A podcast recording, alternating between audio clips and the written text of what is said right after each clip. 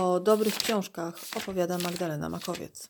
Dzień dobry, witam się z Wami po dłuższej przerwie w nowym roku z mocnym, naprawdę ogromnym postanowieniem publikowania regularnie podcastów i opowiadania Wam o dobrych, naprawdę świetnych książkach. Bohaterem dzisiejszego odcinka jest dziewięć. Książka pana Mieczysława Gorzki. Jest to druga część serii Wściekłe Psy, serii, w której pojawia się nadkomisarz Marcin Zakrzewski, postać łącząca obecną i poprzednią serię autora pod tytułem Cienie przeszłości. Nie będę spoilerować, tylko ogólnie przedstawię Wam zarys fabuły, o co chodzi w książce. Otóż ym, córka znanej wrocławskiej milionerki, Karolina Nowacka, zostaje porwana. Matka wynajmuje znaną agencję detektywistyczną i jednocześnie odmawia współpracy z policją z uwagi na wcześniejsze wydarzenia i uprzedzenia w ogóle co do pracy policji.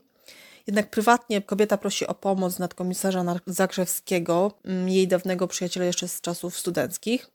Zakrzewski jednak odmawia udzielenia pomocy, tłumacząc się tym, że jego obowiązują pewne procedury, pracuje w policji, musi podporządkować się pewnym zasadom działania. Jednak okoliczności zaginięcia nastolatki nie dają mu spokoju Sprawa niebezpiecznie przypomina uprowadzenia, do których dochodziło lata temu. Problem polega na tym, że wówczas sprawca zginął podczas e, strzelaniny, a porwania więcej się nie powtórzyły do teraz. Z czasem, jak fabuła się rozkręca, wychodzą na jaw podejrzane powiązania matki Karoliny, nieczysta gra policji, chciwa bezwzględność właściciela biura detektywistycznego. Natomiast główny cel, czyli porwanie dziewczyny, staje się najmniej ważne i, i bardzo, bardzo odległe dla wszystkich aktywnie uczestniczących w poszukiwaniach. Dlaczego uważam, że ta książka jest dobra, świetna, generalnie no, rewelacyjna? Może zacznę od tego, że czytałam wszystkie książki autora, począwszy od jego debiutu Martwym Sadem, poprzez Iluzję, Totentans, Polowanie na psy i teraz dziewięć. Pierwsze trzy książki wchodziły w skład serii Cienie Przeszłości. Teraz jest kontynuacja Wściekłych Psów. Jednak, tak jak wspomniałam na początku, elementem łączącym obecnej i poprzedniej serii jest postać nadkomisarza Marcina Zakrzewskiego. To na nim skupia się większość uwagi czytelnika. Fabuła oscyluje wokół jego działań, a czytelnik dostrzega w nim pewną wyjątkowość. Zapytacie jaką? Cóż takiego wyjątkowego jest w tym bohaterze, dlaczego jest taki intrygujący i inny niż wszyscy. Powiem Wam, że to widać od samego początku.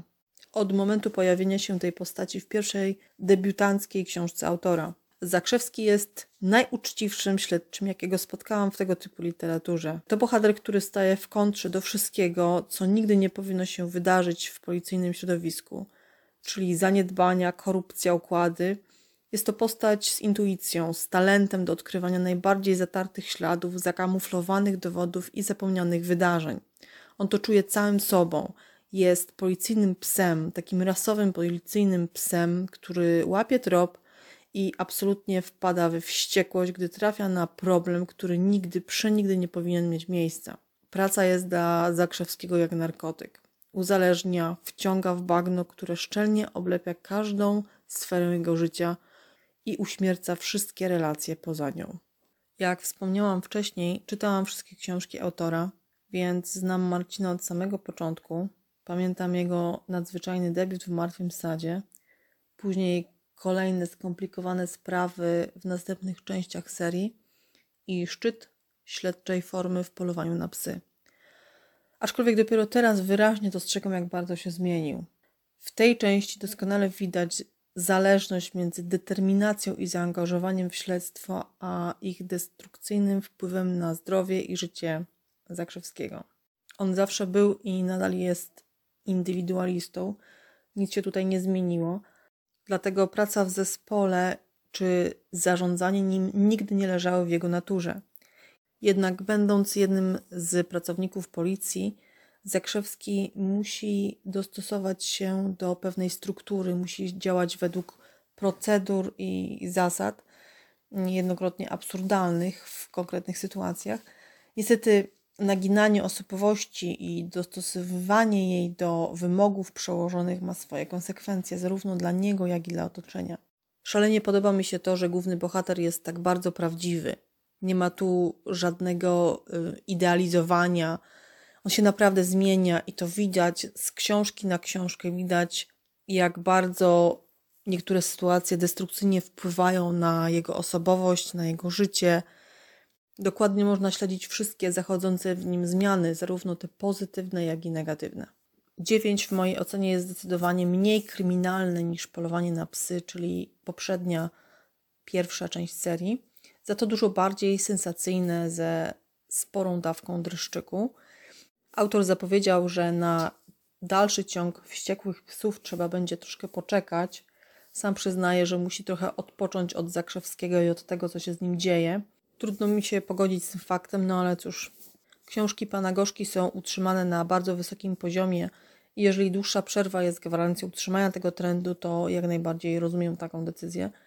Zatem nie pozostaje mi nic innego, jak uzbroić się w resztki cierpliwości i czekać na właściwy moment, zwłaszcza mając na uwadze obiecujące, bardzo obiecujące zakończenie 9. Jeżeli lubicie książki w klimacie thrillera, kryminału, sensacji, to szczerze polecam. Jest to naprawdę doskonały tytuł, świetna seria, zarówno obecna, jak i poprzednia, z doskonale skonstruowaną fabułą, świetnie wykreowanymi bohaterami, z Zakrzewskim na czele oczywiście. Książkę przeczytałam na Legimi, więc jest tam dostępna i jeżeli lubicie takie klimaty, to koniecznie dodajcie na półkę i nie pożałujecie.